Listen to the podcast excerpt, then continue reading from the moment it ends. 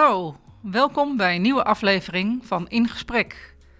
Mijn naam is Petra Hogewerf. Dit is een branded podcast, mede mogelijk gemaakt door Salesforce. Andrea Gouzine ademt fondsenwerving. Ze studeerde in Amerika de Master Public Policy en Non-Profit Management en nu is ze senior product marketing manager bij Salesforce in Zwitserland. Ze heeft ontzettend veel ervaring op het gebied van fondsenwerving en het begeleiden van organisaties. En vandaag gaan we met haar in op de geschiedenis van Salesforce, de geschiedenis van de fondsenwerving, marketingautomatisering, marketing journeys. En we staan stil bij verschillende onderzoeken die ze doen. En we eindigen met een hele leuke tip voor alle goede doelen die luisteren vandaag. Andrea. Hoi. leuk dat je er bent. Ja, leuk je weer te zien. Ja. een tijdje geleden. Ja, we hebben elkaar een paar keer ontmoet. Uh, onder andere bij de Heldenrace, maar daar komen we zo meteen uh, op terug. En eigenlijk zijn we een beetje stiekem collega's, want jij ook, bent ooit begonnen bij een tijdschrift. Ja, dat klopt. Ik ben begonnen bij de Non-Profit Quarterly uh, in Boston onder Rick Cohen. En ja, dus ik zat toen eigenlijk in de schrijfpositie. heel anders dan vandaag. dat was in de tijd dat Obama opkwam. Ja, dat was heel spannend. Ik woonde toen in de VS voor mijn studie, gefinancierd dankzij Prins Bernhard Cultuurfonds en VSB-fonds. En um, ja, ik merkte dus mee dat Obama was um, verkozen en ik hielp ook mee met een groot aantal fondswervingscampagnes rondom immigratie en de Dream Act. En uh, ja, daarna ben ik weer terug verhuisd ja. naar, uh, naar Europa. Hij was daar heel effectief in, hè? Wat zijn daar de lessons learned van uit die periode? Ik denk dat Obama vooral uh, heel effectief was in heel veel kleine donaties samen te krijgen door heel reactief te zijn. En ze gebruikte toen ook, ja, dat was de opkomst van de donor journeys. Um, en daarnaast merkte ik ook dat um, ze heel veel gebruik maakten van de lokale kennis. Dus er waren heel veel kleine groepen over het hele land verspreid. Uh, die ook meewerkten aan de campagnes, uh, zowel digitaal als uh, ouderwetse deur tot deur. Ja, een enorm goede leerschool lijkt mij. Ja, dat was een super ervaring. Um, en dat ja, draag ik nu nog steeds mee. ja, hey, en daarna ben je in de peer-to-peer fundraising gekomen. Ja, ik kwam Wat versta je daaronder? Nou ja, peer-to-peer fondsenwerving toen der tijd was wat we in Nederland denk ik het meest kennen nog van Alp du 6. Dus dat was echt sportevenementen, iemand die besluit uh, te gaan rennen of een andere fysieke. Het kan uh, bergen beklimmen zijn, het kan ook parachutespringen. Het kan een marathon zijn in je ballerinapakje. en ze vragen mensen om zich heen om te doneren. Uh, peer-to-peer fondsenwerving sinds die tien jaar geleden is natuurlijk veel meer ontwikkeld naar veel andere methodes. Je hebt nu ook compleet online. Maar toen der tijd uh, was het echt het begin van de technologie die opkwam. Je had Just Giving. Ik werkte voor Alvarum en die, die deed in twaalf steden de Helderrace. En elk goed doel kon daaraan meedoen. En de mensen die meerenden, die, die haalden minimaal 300 euro op. En daar werd heel erg over nagedacht over de marketingautomatisering. Dus over de journeys. Um, zowel voor de teamleiders als voor de mensen die rennen. Om te zorgen dat ze meer mensen renden, maar ook gemiddeld meer ophaalden maar ook voor de goede doelen zelf. Dus we keken heel erg naar van als jij 1200 renners hebt, hoe kan je nou zorgen dat iedereen die 300 euro haalt of zelfs wel meer? Uiteindelijk, uh, dankzij de technologie, lag het gemiddelde bijna op de 600. Dat je toch die kleine nutjes geeft. Ja, ja. ja ik herinner me dat nog, dat, dat ik bij de Helderreis was en dat er waanzinnig veel mensen aan het rennen waren. Soms, sommigen waren meer aan het lopen, maar uh, voor iedereen, maakte, voor iedereen was het een vrolijke boel in ieder geval. Ja, dat was het idee. Dus dat, uh, en gebruikte je toen al Salesforce? Ja, wij draaiden helemaal op Salesforce. Uh, dat was ook vooral omdat we die 360 graden ja, customer review toen der tijd wilden. Uh, wij waren toen een beginnend bedrijf en we wilden zien van hoe kunnen we goede doelen het beste helpen om zoveel mogelijk op te halen.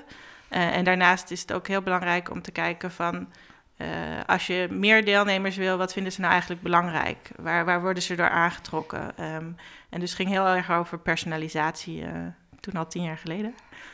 van hoe maken we nou het beste gebruik van de technologie? Want we waren met een heel klein team. Dus uh, de enige keuze was die technologie optimaliseren, omdat wij konden toen de tijd niet meer, uh, meer mensen aannemen. Dus eigenlijk is dat die, die marketingautomatisering die, die toen opkwam, hè? Ja. Is ja. Ook, ook een goed uh, antwoord voor kleine organisaties, zou horen. Ja, ik vond het heel sterk, omdat als je eenmaal die kennis hebt, wat de kleine organisaties toch echt heel goed weten, want die zitten nog heel dicht bij de donateur, over wat belangrijk voor hen is. Uh, dan kan je dat in een journey zetten. En als die journey eenmaal runt, dan kom je toch in een, ja, een, een, wat makkelijke cirkel van de mensen welkom heten, converteren naar een eerste donatie en dan misschien ook wel converteren naar een maandelijkse gift. natuurlijk moet het technologisch ook makkelijk zijn voor de mensen zelf om het te doen, maar ja, daar zijn we nu tien jaar verder, een stuk verder in. ja, wat is daarin veranderd? Nou, ik denk dat voor heel veel mensen het is ook gewoon meer bekendheid met technologie in het dagelijks leven. Zeker dankzij of ondanks uh, COVID. Maar um, daarnaast denk ik ook dat er wordt steeds meer gekeken naar um, hoe kunnen technologie maken zodat iedereen het kan gebruiken. Um, en dat is ook een van de values van Salesforce, dus de quality. Uh, dat iedereen er toegang tot heeft. En dat je ook je vrijwilligers bijvoorbeeld kan in te zetten om, uh, om gebruik te maken. Natuurlijk wel met de veiliging en uh, beperkte adminrechten. Maar dat iedereen een onderdeel is van, uh, van bijdrage aan het goede doel. En dat uh, technologie dat faciliteert. Ja.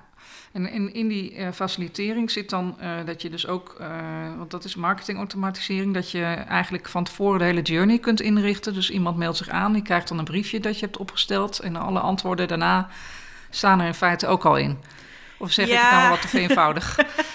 ik vind dat altijd heel leuk, want ik, ik werk met heel veel goede doelen samen. Bij Salesforce mogen wij ook eh, pro bono en vrijwilligerswerk doen. En heel veel denken nog dat marketingautomatisering is dat automatisch wordt uitgestuurd. Nou ja, is dat natuurlijk een deel, maar dan zie ik veel goede doelen die gewoon nog de hele database automatisch een welcome journey sturen. En dat is het toch niet helemaal. Het gaat om die personalisatie.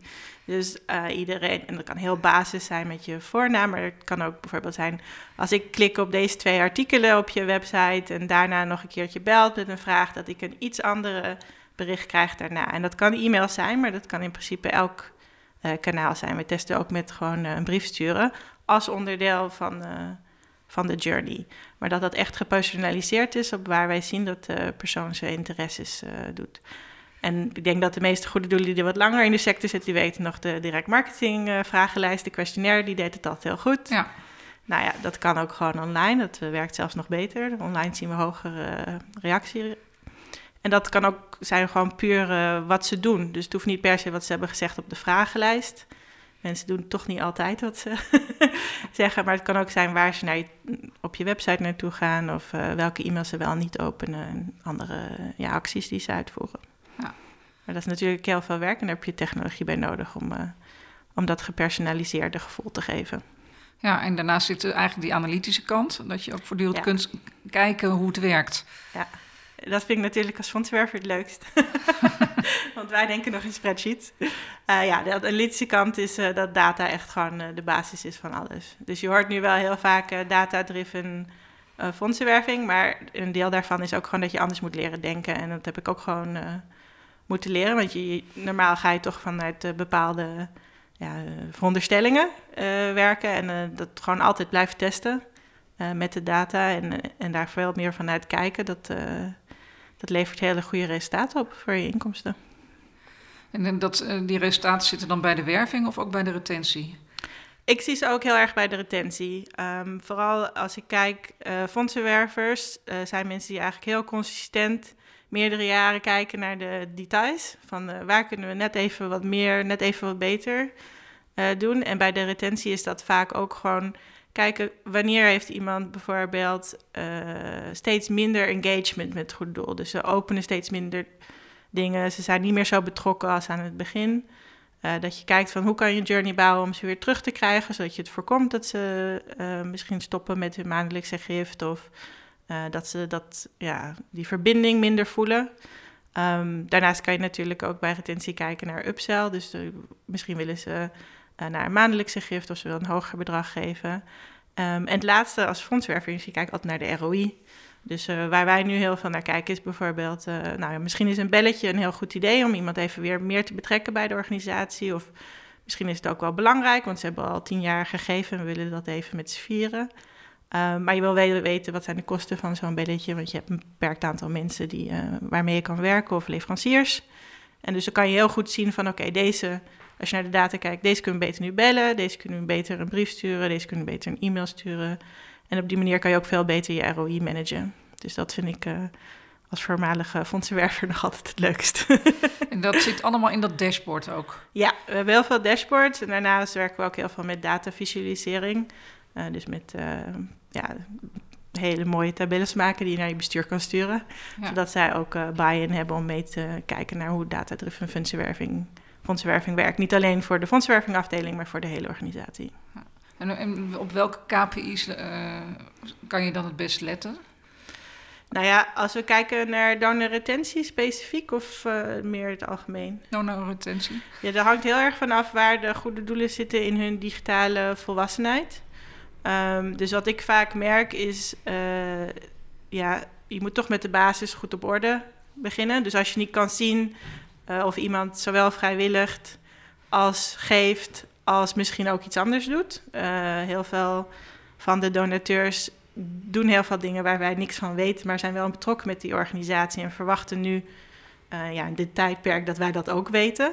Als je die overzicht niet hebt, dan wordt het al moeilijker om de retentie-KPI's uh, te gebruiken die de meer geavanceerde goed doen. Dus ik zeg altijd eerst, laten we eerst gaan kijken of alles op orde is.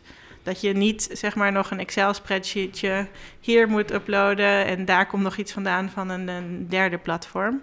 Maar dat je een goed beeld hebt van de, van de donateur en zijn, uh, ja, zijn touchpoints met jouw organisatie. En uh, dat is waar ik vaak nog uh, vast blijf zitten. En daarna gaan we dan een stukje verder naar kijken van, nou ja, wat kan je kijken in wat ze hebben gedaan. Wat zijn maar de even nog over dat vastzitten. Waar, waar, waar zit dat dan in? Wat, wat vinden de goede doelen daar moeilijk in dan? Ik denk dat heel veel van uh, wat ze er moeilijk aan vinden is dat het kost in het begin veel tijd. En als een fondsenwerver ben je toch met je 12 maanden ROI verbonden. En, eh, in het begin is het gewoon een investering in, je infrastructuur. En uh, daar moet je je bestuur achter hebben staan, dan moet je de hele organisatie achter hebben staan. En dus raad ik ook veel aan, als je begint aan zoiets te doen, gebruik ook marketing journeys intern. Uh, zodat je mensen kan meenemen en kan zeggen van, nou ja, dit gaat misschien nu even tijd kosten. Het moet geïntegreerd met elkaar worden. Maar dit is het uiteindelijke doel. En hou ze daar enthousiast over. Want ik weet nog steeds, toen ik tien jaar geleden met Salesforce begon, toen heb ik één jaar gehad waar ik uh, niet meer werkte uh, bij Salesforce. We zetten een, nieuwe organisatie toen de tijd op. En ik had geen 360 graden view van mijn donateurs. Dus we hadden een deel zitten in Buckaroo, in het betalingsplatform. We hadden een deel zitten bij een ander platform dat onze donaties online verwerkte. En ik kon het niet zien en het was zo frustrerend. Ja. dus ik denk dat dat uh, een van de belangrijkste dingen is naast theologie. Neem je organisatie daarin mee, vertel ze dat verhaal. Ja. Um, en dat, uh, ja, dat kan je eigenlijk ook gewoon intern met marketing journeys doen. Ja, interessant. Dus de, um, we gaan even terug naar die, uh, die tijd van Alvarem. Hè? Dus ja. toen, toen uh, deed je die helderrace en dergelijke. En ontdekte je de kracht van marketingautomatisering. Daarna ben je naar Parijs gegaan. Ja. Uh, wat deed je daar?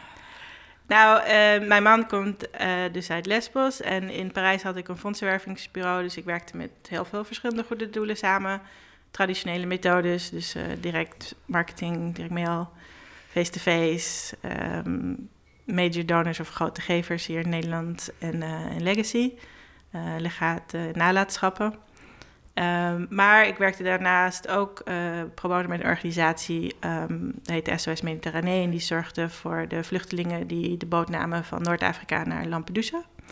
en dat was heel veel emergency campagnes. Dus wij begonnen toen der tijd met een aantal digitale campagnes, want de investering indirect mail op dat moment was niet logisch.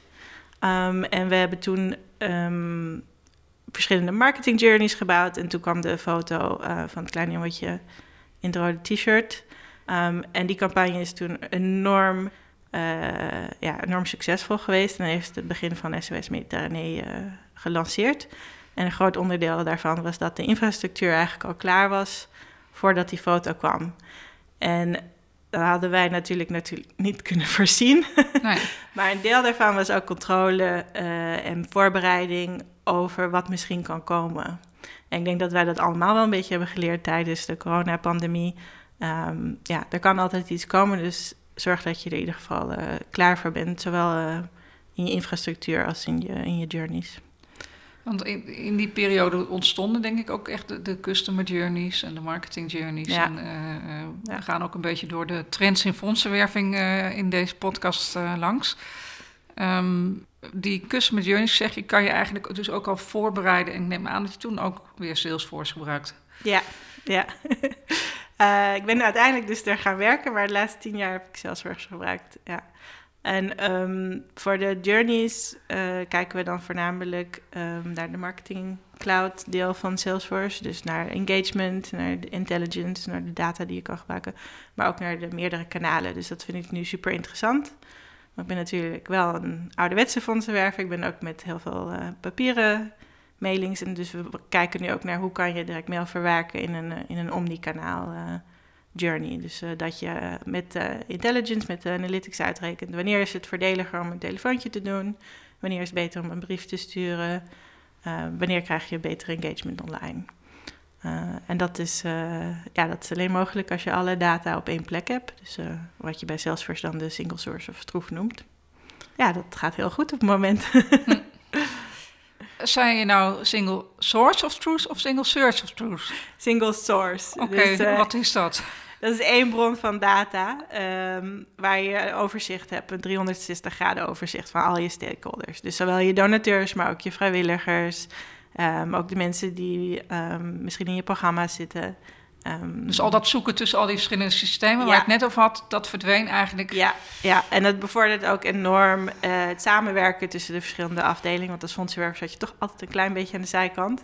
En uh, het helpt heel erg bij dat gewoon centraal stellen in het midden van de organisatie. Omdat iedereen toegang heeft tot dezelfde data. Ja.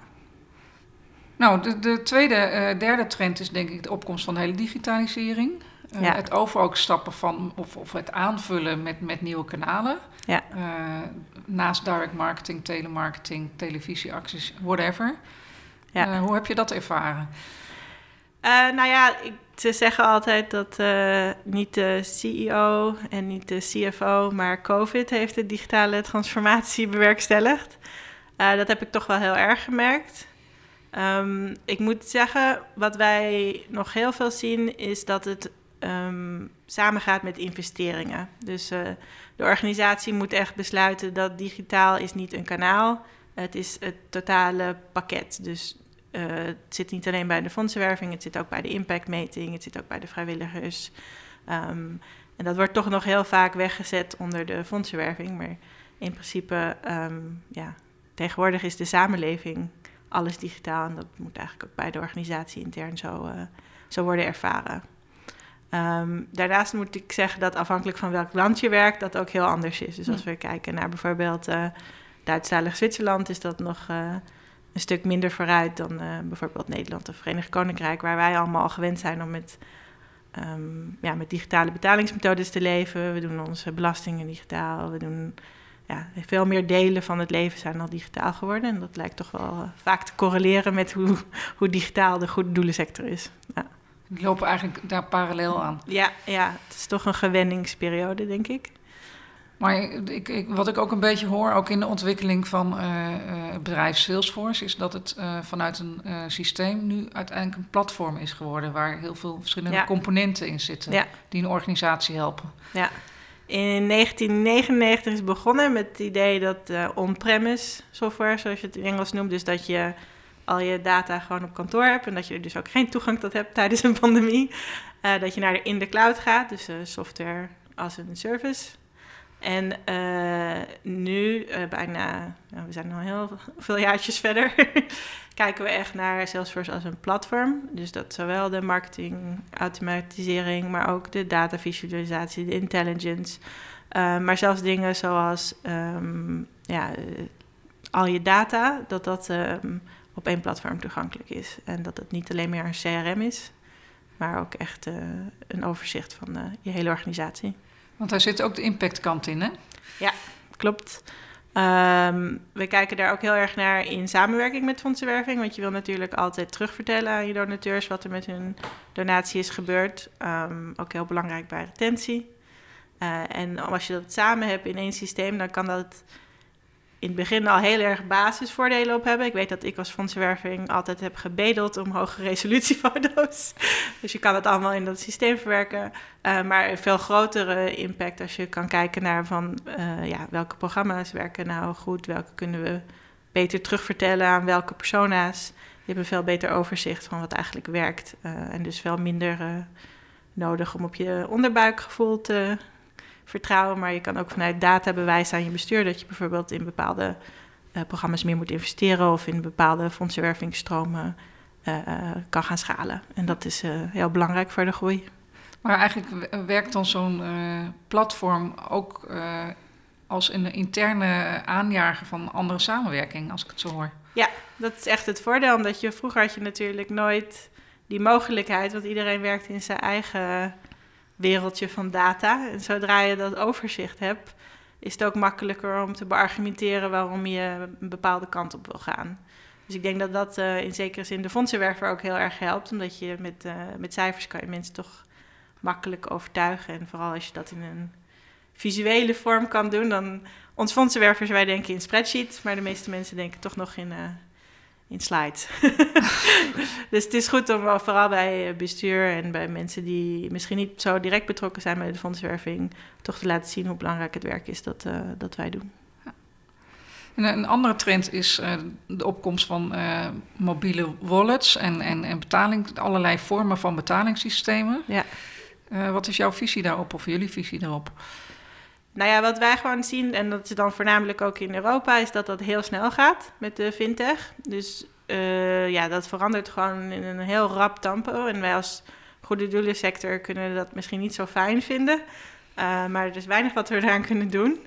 Uh, dus wat wij vooral naar kijken met de organisaties waar we mee samenwerken, is hoe kan je jezelf daarop voorbereiden. Nou heb je bij Salesforce natuurlijk de App Exchange. Dus je kan naast het platform kan je altijd gebruik maken van verschillende andere bedrijven die uh, ja, kleine microservices aanbieden en dus ook in betalingen.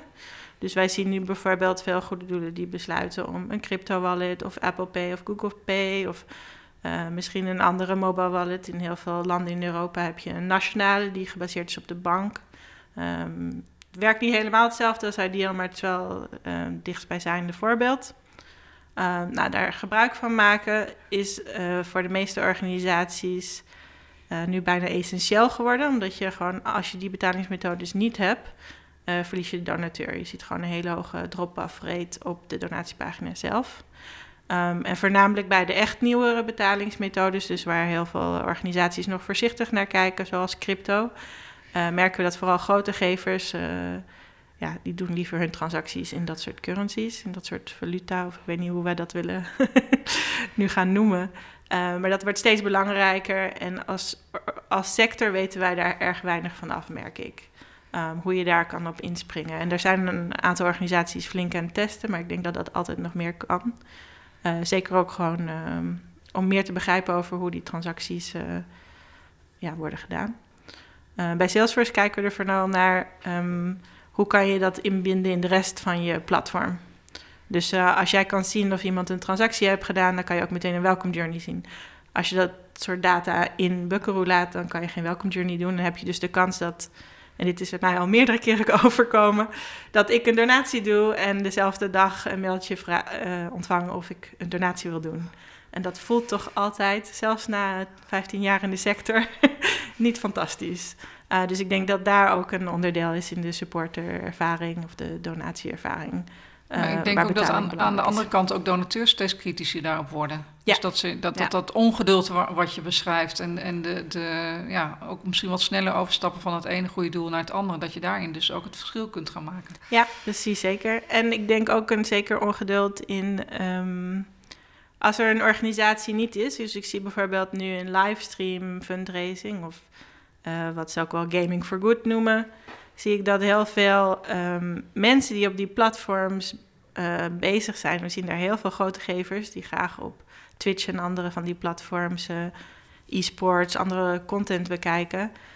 Dat als er geen organisatie aanwezig is, dan gaan ze toch of zelf een organisatie beginnen of ze gaan er naar eentje die wel aanwezig is. Ze gaan niet buiten dat platform zoeken. Dus als we bijvoorbeeld kijken naar onderwerpen die heel belangrijk zijn voor veel mensen, daar bijvoorbeeld het online pesten of dat soort, die heel dicht liggen bij de meeste van onze goede doelen.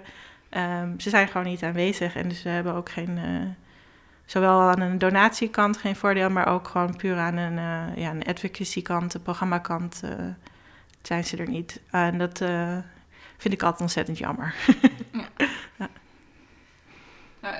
Een belangrijk element wat ik hoor in, in uh, de hele ontwikkeling hè, van marketingautomatisering naar platform en uh, van techniek, uh, is dat je dus die data kunt benutten, visualiseren en, en mogelijk ook als fondswerver op een andere manier gebruiken in je organisatie.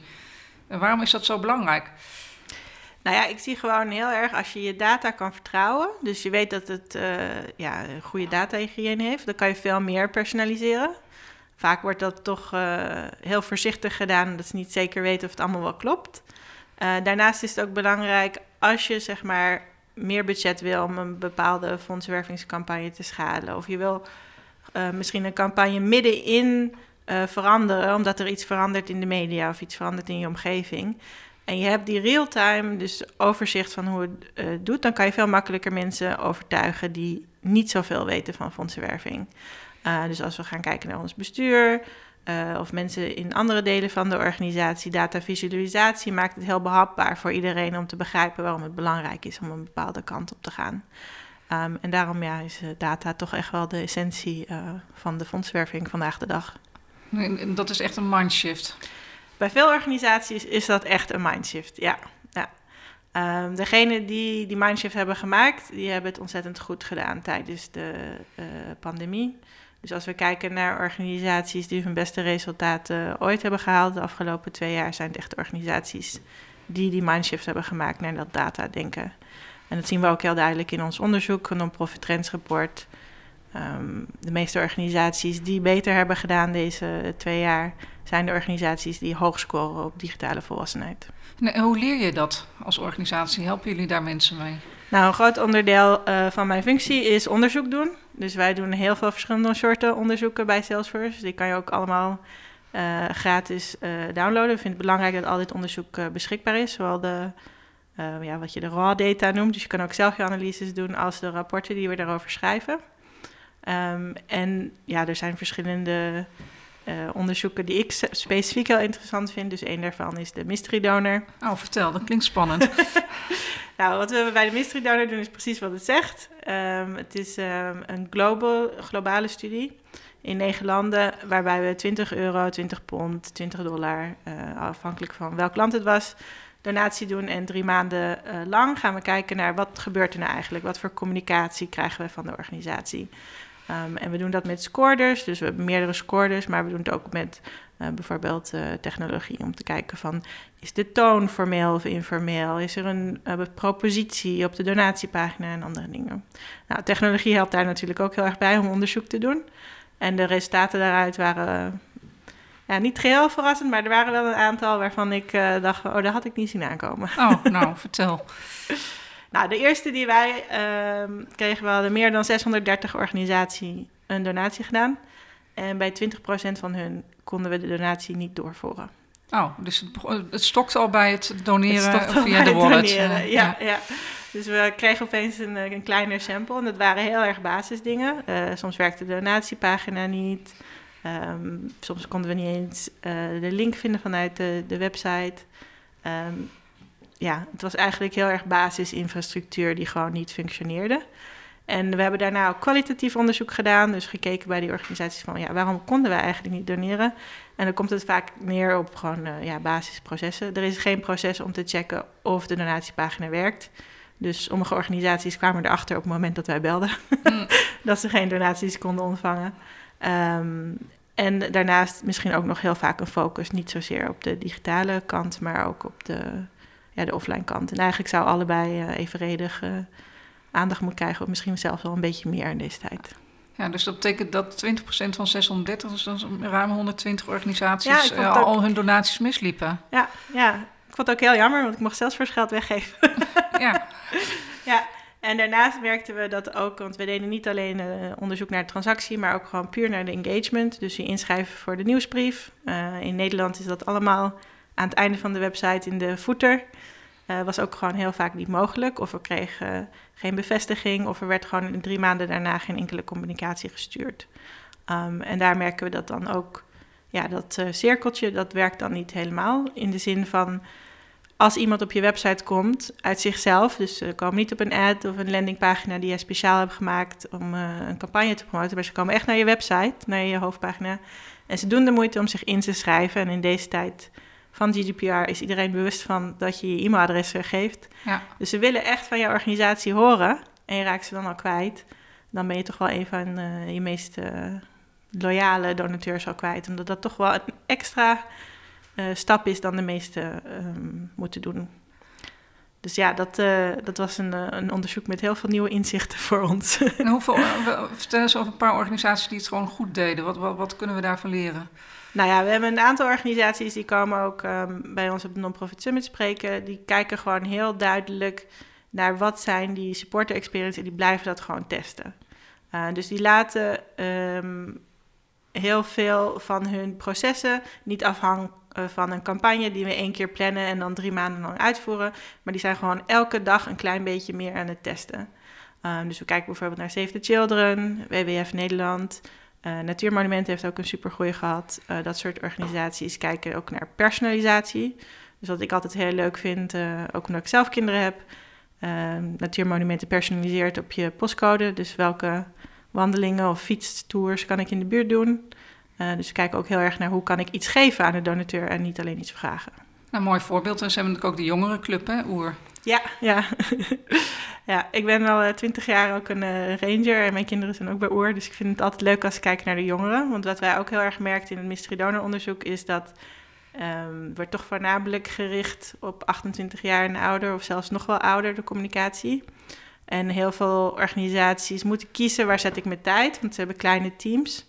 Nou, technologie kan daar heel veel wegnemen, zodat je toch ook die mensen die misschien aan het begin van hun journey niet helemaal uh, de hoogste donatie geven, maar toch meepakt in, uh, in engagement rondom de organisatie. Uh, we krijgen bijvoorbeeld in de UK van een aantal organisaties terug, ja, als 20 euro geeft, dan doe ik eigenlijk niks meer ermee. Ik besteed alleen maar aandacht aan 100 pond en daarboven. Ja, dat is moeilijk om te zeggen, maar wij zien dat heel veel, uh, bijvoorbeeld in nalatenschappen, heel veel donateurs jarenlang 20 euro hebben gegeven. Ja. En dat kan je dus niet veronderstellen. Je moet die uh, veronderstelling echt baseren op data. Ja. Nu ben je ook bezig, uh, wat, wat je vertelde aan mij, met een roadmap voor productontwikkeling. Ja. wat kunnen we dan nog verwachten? Nou, dat ben ik niet persoonlijk. dat is een heel groot team bij Salesforce. Um, en wij kijken dus um, naar wat brengt de toekomst. Um, we hebben drie keer per jaar wij een launch. Dus uh, in de lente, de zomer en de winter. Uh, en dan kijken we naar uh, wat zijn de nieuwe ontwikkelingen in de organisatie en hoe kunnen wij daarbij ondersteunen in technologie. Nou heeft Salesforce ook een hele actieve user community. Daar ben ik altijd heel blij mee. Dus er zijn heel veel mensen die onderling uitwisselen over wat er mogelijk is. Want er is nu zoveel mogelijk dat het belangrijk is te blijven praten met je collega's en kijken wat gebruik jij en hoe gebruik je het, hoe zet je het in.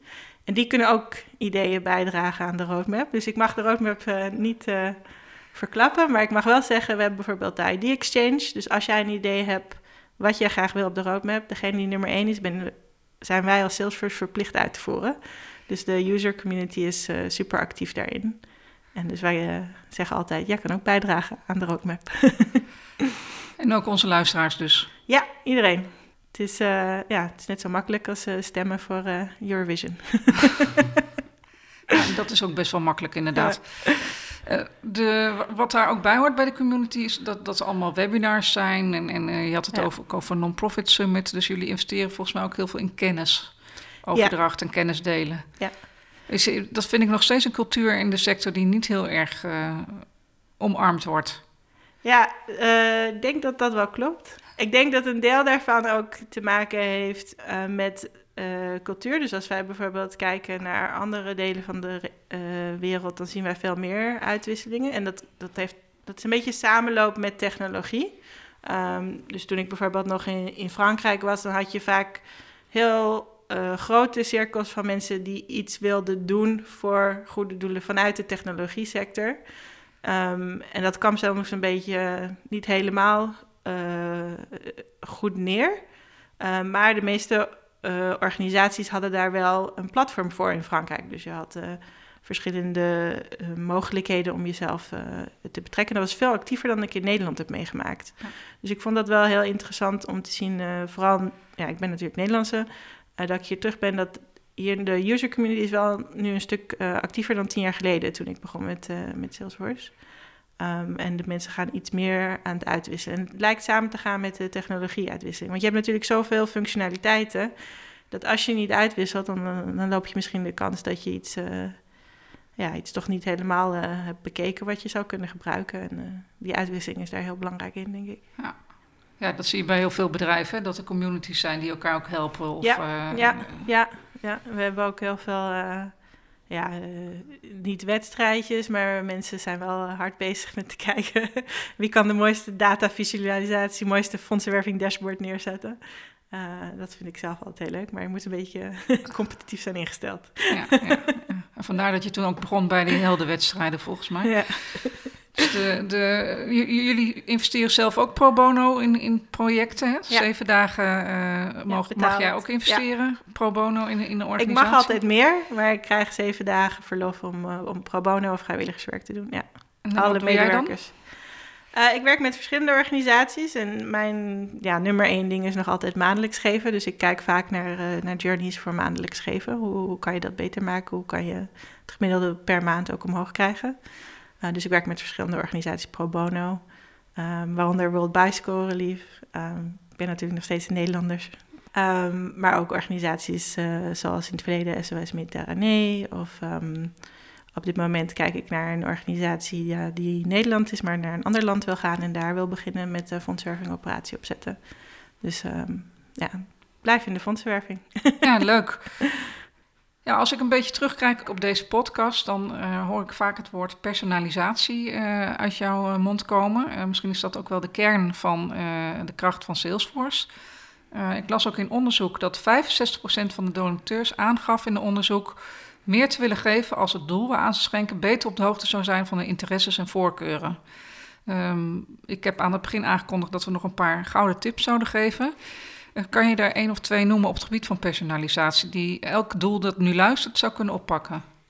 Nou ja, wat wij heel duidelijk zien aan alle studies uh, die we hebben gedaan, is dat de donateur wil een ervaring die gebaseerd is meer op uh, zijn interesses. En dus minder op het vertrouwen in de organisatie. Um, zelf maar ook iets terugkrijgen van de organisatie in zekere zin. En wat wij dan ook heel duidelijk zien, is dat veel organisaties dat eigenlijk niet weten. Dus uh, ze weten wel de recency, frequentie, monetaire, die RFM-score. Uh, ze weten misschien ook wel welke campagnes de donateur vandaan komt. Maar ze weten niet zo duidelijk van waarom zijn ze eigenlijk geïnteresseerd in mijn organisatie. Nou, een aantal hele makkelijke uh, tips daarvoor is als we gaan kijken in de mystery donateurstudie, wat kan je er allemaal doen? Eerst is natuurlijk dat overzicht van de data. Dus als je ziet dat iemand bijvoorbeeld ook een vrijwilliger is, of als iemand een andere betrokkenheid heeft bij de organisatie, dat je daarop kan scoren. Nou, dat is ook een samenwerking tussen je IT of CRM-team en je fondsenwerving-team. Want wat je niet, um, ja, waar je geen data over hebt, kan je ook niks mee doen. Uh, dus we zien vaak dat die velden er niet zijn van interesses. Als we bijvoorbeeld kijken uh, naar natuurmonumenten of hersenstichting. Wat vinden mensen interessant om te doen? Gaan ze liever fietsen of wandeling? Of bij hersenstichting zijn ze betrokken omdat iemand in de familie was? Of was het misschien uh, gewoon puur interesse vanuit een interessante campagne, maar ze hebben er geen directe betrokkenheid bij. Dat zijn andere vormen van personalisatie waar je naar kan kijken. Um, daarnaast, wat heel makkelijk is om meteen mee te beginnen, is natuurlijk een, een basis welcome journey.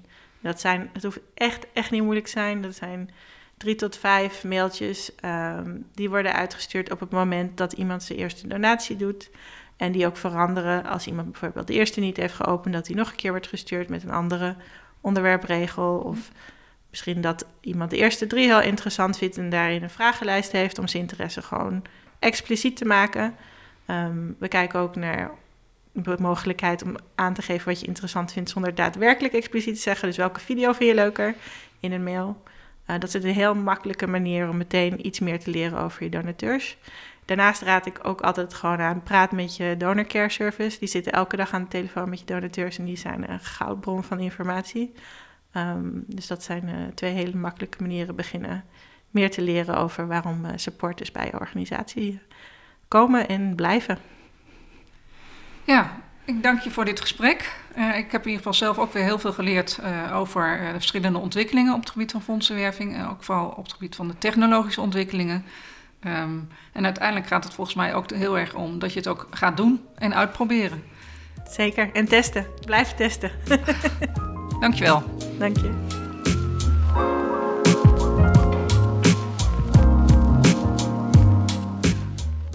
Bedankt voor het luisteren naar deze podcast van Vakblad Fondsenwerving.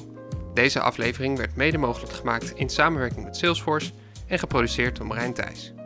Meer podcast luisteren? Ga naar fondsenwerving.nl/slash podcast of abonneer je via je favoriete podcast-app.